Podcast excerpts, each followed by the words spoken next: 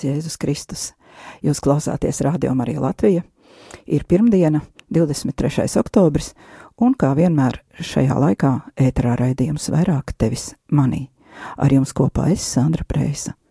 Pēc raidījuma 22.30 lūksimies Jēzus visdārgo asiņu litāniju, tāpat kā pagājušo reizi, un mums noteikti būs par ko lūgties, kad mēs būsim pārdomājuši šīs dienas uh, tekstu, kuru mēs pārunāsim raidījuma laikā.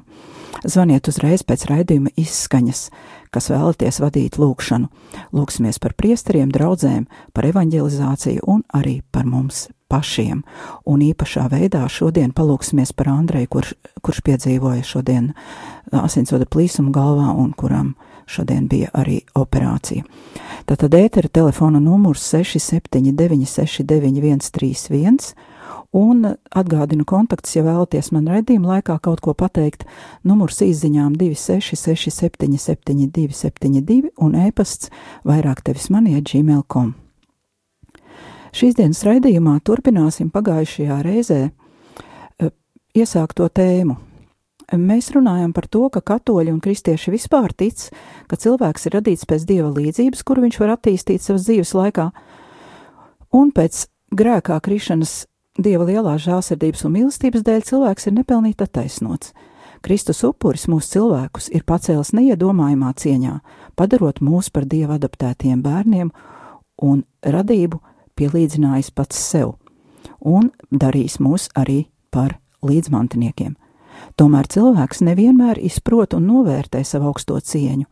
Dažreiz tas notiek cilvēku muļķības dēļ, dažreiz arī miesas slimības dēļ un cilvēkam vienkārši trūkst resursu, lai viņš kaut kādas lietas saprastu, un par to mēs arī tālāk raidījumā runāsim, bet tagad lūksimies Dieva tēva un dēla un svētā gara vārdā Āmen.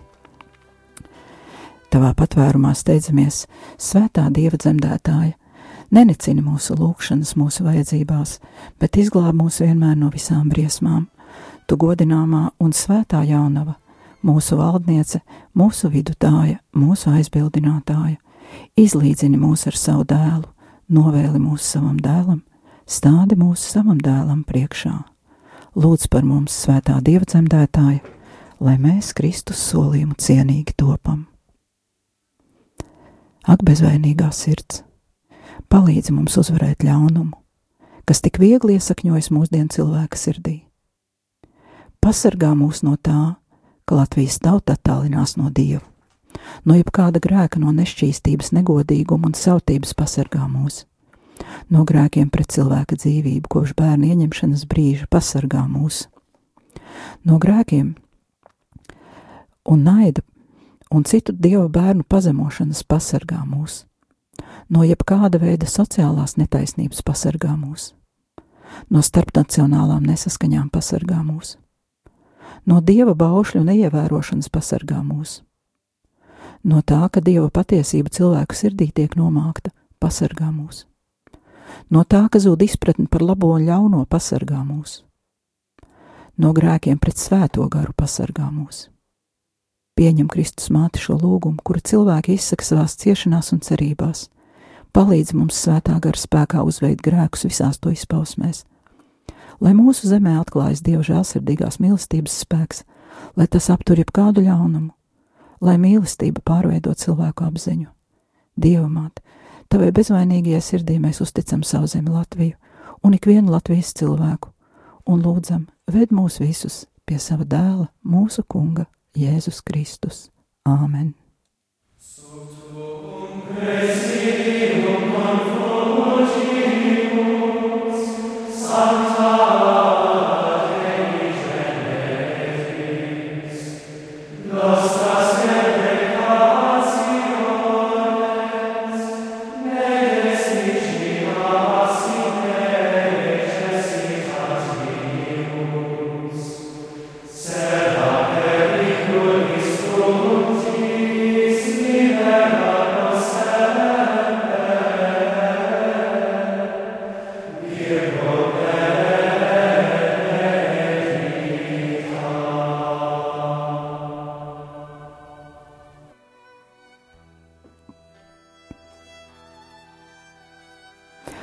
tagad atpakaļ pie tēmas.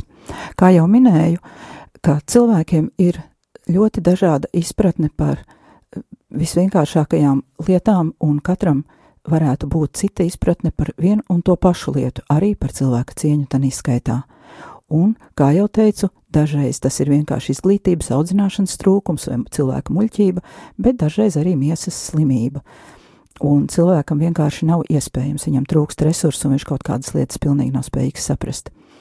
Visvienkāršākais paskaidrojums tam, kurš nezina, būtu, ka cilvēka cieņa nepieļauj kaut kādas noteiktas darbības vai bezatbildību attiecībā uz sevi un citiem cilvēkiem. Tas būtu kaut kas tāds, ko var iemācīties jebkurš. Šo pamatu vajadzētu ielikt ģimenē.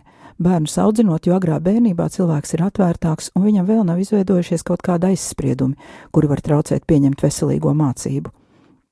Katrā mazā cilvēciņā ir ierakstīta vajadzība pēc mīlestības, to gan dot, gan saņemt, vajadzība pēc taisnīguma, dabiska šķīstība un daudz citu lietu, kuras kopā sauc par dabisko likumu.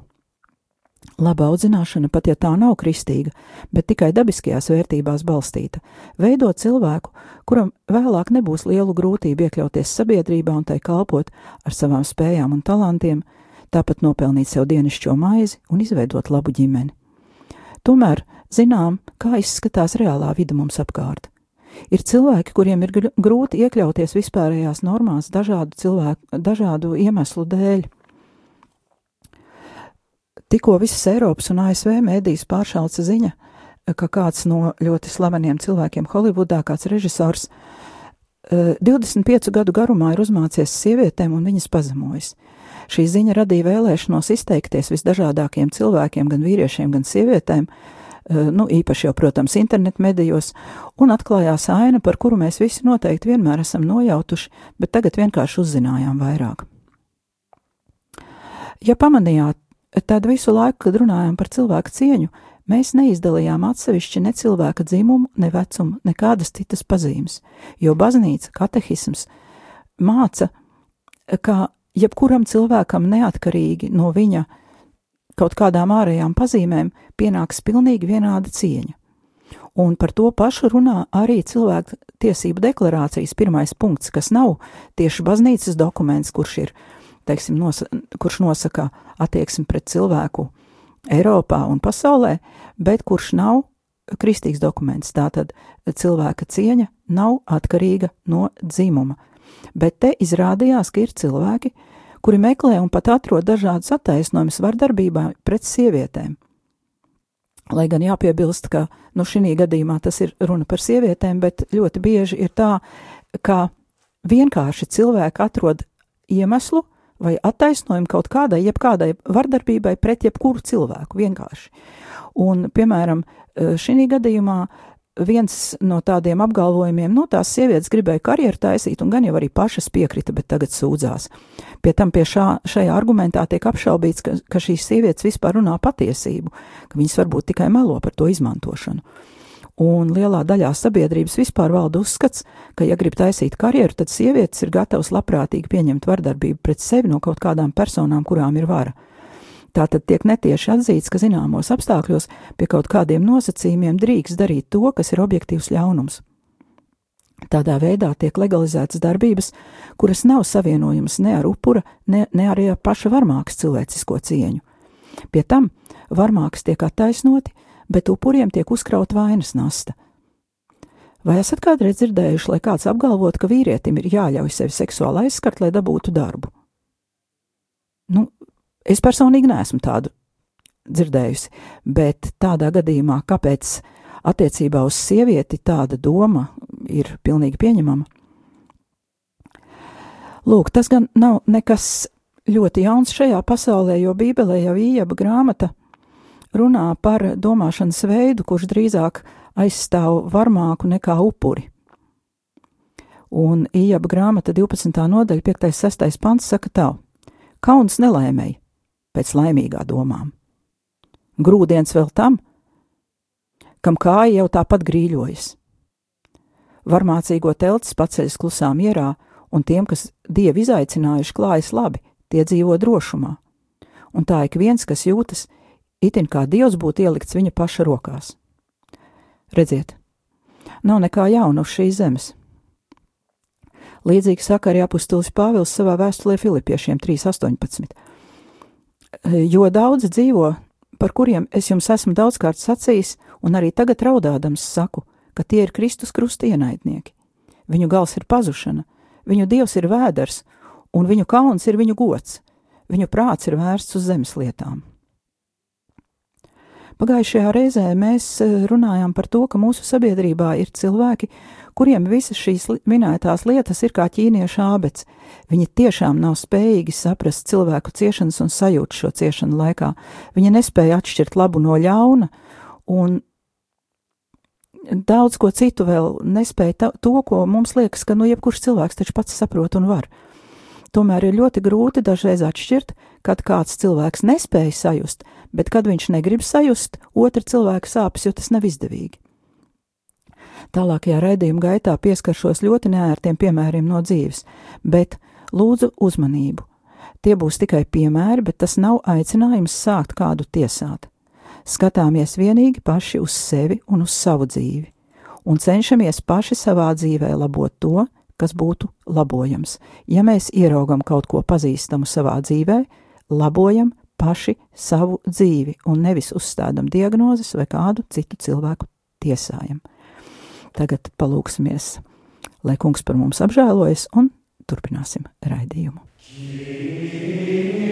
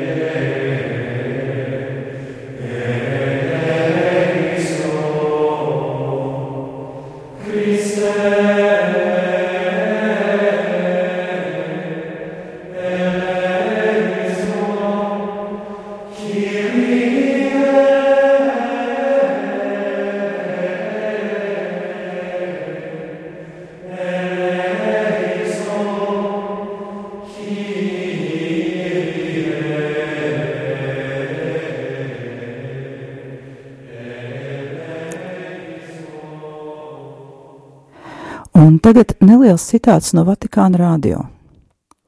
Otradienas, 17. oktobra rīta svētās misijas homīlijā.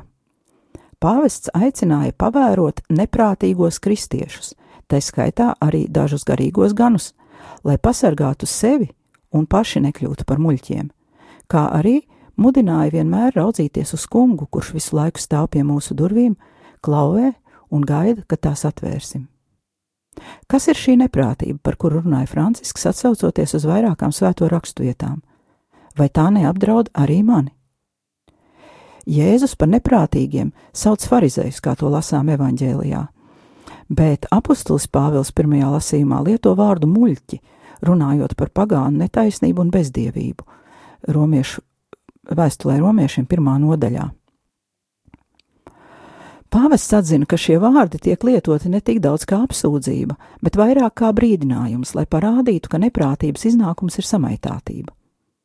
Jēzus raud, kad viņa mīļotā tauta savā muļķībā attālinās no dieva un izvēlas iluzoriskus labumus, elkus un ideoloģiju.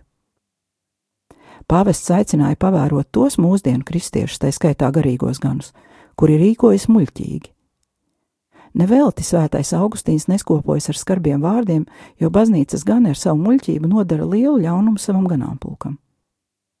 Vienlaikus Francisks aicināja raudzīties uz kungu, kurš vienmēr atrodas mūsu sirds durvju priekšā, klauvē pie tām un gaida, lai mēs atveram. Kungs vēlas, lai mēs apzinātos, cik ļoti Viņš pēc mums ilgojas un mūs mīl. Viņš grib, lai mēs atminamies Viņa pirmo mīlestību pret mums. Ja mēs krītam neprātībā un attālināmies no Dieva, Viņš sajūt nostalģiju, Viņš ilgojas pēc mums. Citāta beigas.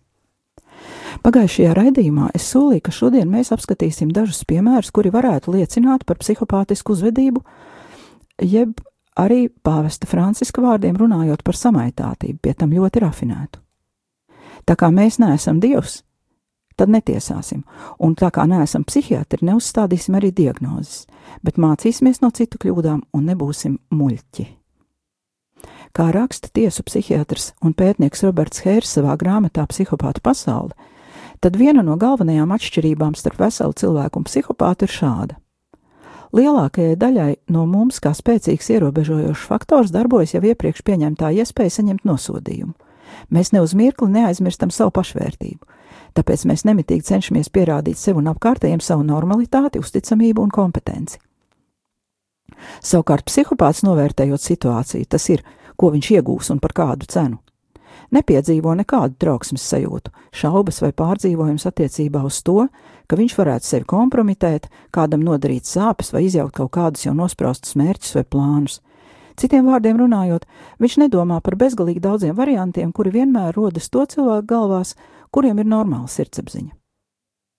Tie, kuri ir saņēmuši augstāko atzīmi socializācijā, ir praktiski neiespējami iedomāties, kā pasauli uztver psihopāts. Citāta beigas. Ja atceraties, tad pagājušo pirmdienu runājām par to, ka psihopāti ir meistarīgi meļi, manipulatori un parasti panāk visu, ko ir iecerējuši, un ir spējīgi tiešā un pārnestā nozīmē iet pāri līķiem, jo viņiem nepiemīt empātija, jeb spēja iejusties otra cilvēka vietā, viņiem nav sirdsapziņas un attiecīgi nav arī atbildības sajūtas un apjēgas par savu darbu tālākajām sekām. Kaut kādā mērā viņi spēja dzīvot tikai šeit un tagad. Taču no otras puses, šādu cilvēku klātbūtne rada ārkārtīgu vieglumu sajūtu, kad mēs ar viņiem iepazīstamies. Viņi izskatās harizmātiski, vienmēr pozitīvi noskaņoti un ir patīkama sabiedrība dzīves grūtību un atbildības nastas nospiestajiem. Tāpēc jebkurš no mums pirmajā brīdī jutīsies laimīgs par šādu pazīšanos. Ir patīkami atrasties tāda cilvēka sabiedrībā, kurš vienlaicīgi ir it kā ieinteresēts mūsu problēmās, tomēr pats ap sevi rada vieglumu noskaņu. Pagājušajā reizē runājām arī par to, ka psihopāts vai sociopāts vai arī cilvēkus ar tādu uzvedību var satikt jebkurā vietā - skolā, baznīcā, jebkur, kur uzturas cilvēki un ir vieta kaut kādai hierarhiskai struktūrai tad no šie cil cilvēki cenšas atrasties iespējami augstāk tādā hierarhijā, nu vismaz, lai vism kādi divi, trīs cilvēki būtu pakļauti viņu varai. Un tagad, uh, pēc brītiņa, uh, padalīšos ar kādas sievietes pieredzi, kura savās, savas pārdomas ir publicējusi mājas lapā Ahilla Rū, Krievu lapā. Šo lapu veido daži pareisticīgo priesteri un lai, kuri mēģina atklāti runāt par to, par ko citi bieži vien klusē. Mani iedrošināja runāt mūsu pāvesta drosmīgie izteikumi par to, ka mēs nedrīkstam būt vienaldzīgi, ja redzam muļķību baznīcā. Un atcerēsimies, ka arī Jēzus nemīlēja farizējus, kuri, lai gan bija ļoti izglītoti un ārēji arī ļoti ticīgi un, un it kā liekas, nu, sabiedrības, teiksim, augstākais slānis krējums, bet tajā pašā laikā viņi, viņu sirdis bija pavisam citur, un viņu rīcība atšķirās ļoti no tā, ko viņi sludina. Bet tagad palūksimies uz Svēto Dominiku, kurš tieši otrādi bija brīnišķīgi, iejūtīgs, empātisks, līdzjūtīgs, garīgais tēvs, priesteris, mūks un brālis saviem brāļiem, ordeņa dibinātājs, kurš jau 800 gadus aizbildina par savu ordeni, un ordenis joprojām dzīvo no viņa lūgšanām.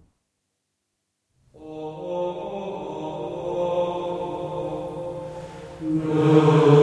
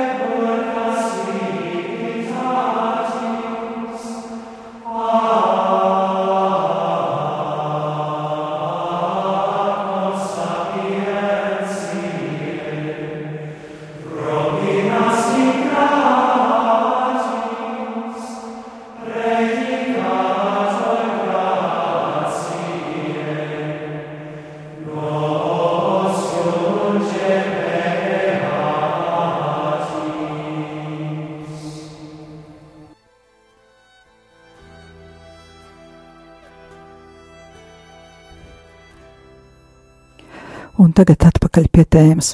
Minētais stāstīns, kur jums apsolīju, saucas Maskavas Deivijs Džons. Autori atsaucas uz filmas Karību jūras pirāti varoni, eh, kurš, ja esat redzējuši filmu, tur izskatījās pēc tāda dīvaina jūras monstra, pēc tāda tā kā astoņkāja. Viņš ievilks līkstošos jūrniekus savā kuģī kā glābējs, piedāvājot darbu. Līgums it kā bija uz noteiktu laiku, taču kamēr šie cilpo, cilvēki kalpoja uz kuģa, viņi pamazām zaudēja savas personības, līdz kamēr kļuva par prātu zaudējušiem monstriem. Un tagad sekos garš citāts no šā uh, stāstiņa. Uh, lasīšu lēnām, jo man viņš daļai ir krieviski. Uh, un, protams, domāsim par sevi, par to, vai mēs kaut ko tādu esam redzējuši. Ja neesam, slava Dievam, bet ja esam, tad domāsim, ko mēs paši savā dzīvē varam labot, un nevienu netiesāsim. Bet tagad garais citāts. Galvaspilsētas purvā jau vairākus gadu desmitus zēģelē tāds Deivijs Džons. Iespējams, ka viņš nav tāds vienīgais, bet šodien es esmu gatava raksturot tikai vienu. Viņa kuģa komandā ir daudz krāšņu tipāžu, un lielākā daļa no viņiem ir eksaltētas dāmas. Sejas uz kuģa mainās, dažas kļūst par jūras putām, bet kas notiek ar viņu dvēselēm, visvairāk vienalga ir pašam kapteinim Deivijam Džonsam. Ar šo stāstījumu es negribu nekādā veidā noliegt eh, dažādas eh, šā cilvēka eh, teiksim, labās īpašības, un viņa varbūt iespējams arī lielos nopelnus, bet gribu aprakstīt vienu viņa kalpošanas pusi.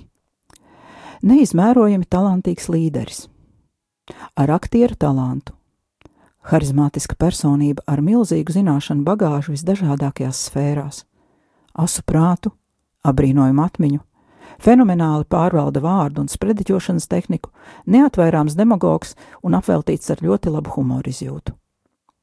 Labi valda pār sevi, mērķtiecīgs, pragmatisks. Bet es nesauktu viņu par augsti likumisku un ar garīgu kultūru apveltītu cilvēku. Drīzāk viņš atstāja sadzīviski viltīga un cilvēku iespaidu, un kā tāda cilvēka iespaidu, kurš ir spējīgs ļoti labi izlikties. Jā, Mūsu varonim ir daudz seju. Viņā brīnišķīgi sadzīvo kopā sentimentalitāte ar nežēlību, cieņpilni žesti pret kādu sievieti ar nicinošām replikām pret to pašu sievieti. Milzīga dvēseles siltuma izrādīšana, kur īsā laikā var nomainīt pilnīga un stingzinoša vienaldzība. Cilvēks, kurš nevienam nepieķers, bet tas drīzāk izskatās pēc milzīgas augstprātības un egocentrisma, nekā pēc dziļi, vienal, nekā pēc dziļi vienaldzīgas eh, sirds, kura ir asketiska un skatās vienīgi uz Dievu. Varonis profesionāli un dziļi pēta mūsu sirdis, lai saprastu, uz ko cilvēki ir gatavi parakstīties, lai iegūtu viņa draudzību, jo viņa kuģim ir pastāvīgi vajadzīgi jauni matroži. Viņš izmanto visdažādākos līdzekļus, lai cilvēkus apburtu ar savu personu bet parasti tie ir glaimi un manipulācija. Attiecībā uz sievietēm tas ir visīstākais flirts - komplimenti, slepeni rokas spiedieni, it kā netīši pieskārieni, ilgu pilni skatieni. Bet, ja kādu sievieti nevilina flirts, tad lūdzu, tiek imitēts patiesas tēvišķas rūpes, dziļas draudzības demonstrēšana, jebkāda līdzekļa ir labi. Autori piebilst, ka ar šo metodi tika piesaistīta viņa pati personīgi. Bet, ja cilvēks ir nejūtīgs pret maiguma pierādījumiem, tad vairs netiek izmantota personīgā harizma, bet gan ganītāja autoritāte un stingrība. Pirmajā grēksūdzē saņemot daudz nepelnītas un sirsnīgas mīlestības, veidojas tik patīkams skats uz gan eņģelisko un maigo būtību un draudzīgu atbalstu uz līdzjūtību, ka uzreiz rodas arī bailes šīs dāvanas pazaudēt. Šāda veida manipulācijas ir pazīstamas. Vispirms cilvēkam tiek dots ļoti, ļoti daudz, pat par daudz, un ne par ko, vienkārši tāpat. Cilvēkam tiek dāvināta eh, priecīga un jauka sabiedrība. Eh, par cilvēka sabiedrību eh, priecājas. Un daudz tiek runāts arī par ticību un par ticības brīnumiem. Bet pēc tam sākas nežēlīga un bezgalīga spēle te pietuvināt, te atgrūst, te pietuvināt, te atkal atgrūst. Un tādā veidā no cilvēka var izspiest visu, ko ne tikai garīgas dāvanas, bet arī šo to materiālu. Bet cilvēks, kurš ir atnācis baznīcā, viņš tic priesterim, viņš tic dievam, viņš izpilda visas gana prasības, lai paceltu savu garīgo līmeni, un, protams, arī cenšas kalpot savam ganītājam, cik vien viņš ir spējīgs. Un viņš ir priecīgs par jebkuru mazāko mirdzumu šā cilvēka acīs. Bet šīs mirdzums parādās arvien retāk un retāk, un tādēļ cilvēks sāk iekrist depresijā, sāk zaudēt ticību, sāk justies slikti un krīt bedrē. Un galā tāds atgrūsts un izmantots cilvēks var izrādīties vēl dziļākā bedrē, nekā viņš ir bijis pirms šāda ganītāja satikšanas. Autore piebilst, ka viņa ir klausījusies no draudzes locekļiem līdzīgas liecības, bet īsti nav ticējusi tam tik ilgi, kamēr pati nav tādā situācijā nokļuvusi. Un viņa saka, ka viņa saprot šos garīgos bērnus, jo viņa tur ir bijusi pati iekšā, un viņa zina, ka tas sākums ir tā, ka tu jūties tā kā pelnušķīta ballē, un pēc tam ir šī atgriešanās netīrumos, lupatās un pelnos, tikai ar to atšķirību, ka princis pakaļ nenāk. Un viņa saka, ka viņa savā dzīvē redz to problēmu tādēļ, ka viņa līdz 28 gadu vecumam viņa bija nākus no šķirtas ģimenes un nebija redzējusi tādu īstu tēvu mīlestību, un tādēļ viņa iekrita uz šo eh, tevišķās mīlestības izrādīšanu. Un labu laiku arī aizmiedza acis un izlikās, ka neredz tās visas pārējās lietas, bet eh, tad, kad viņai ar vīru reiz kā eksperimentu šis ganītājs piedāvāja, lai viņi padzīvojot kā brālis un māsa, pie tam bez jebkādas redzamas nepieciešamības, eh, tad eh, autors vīrs aizgāja no baznīcas vispār prom, bet viņa turpināja iet, taču vairs nekur aktīvi nepiedalījās.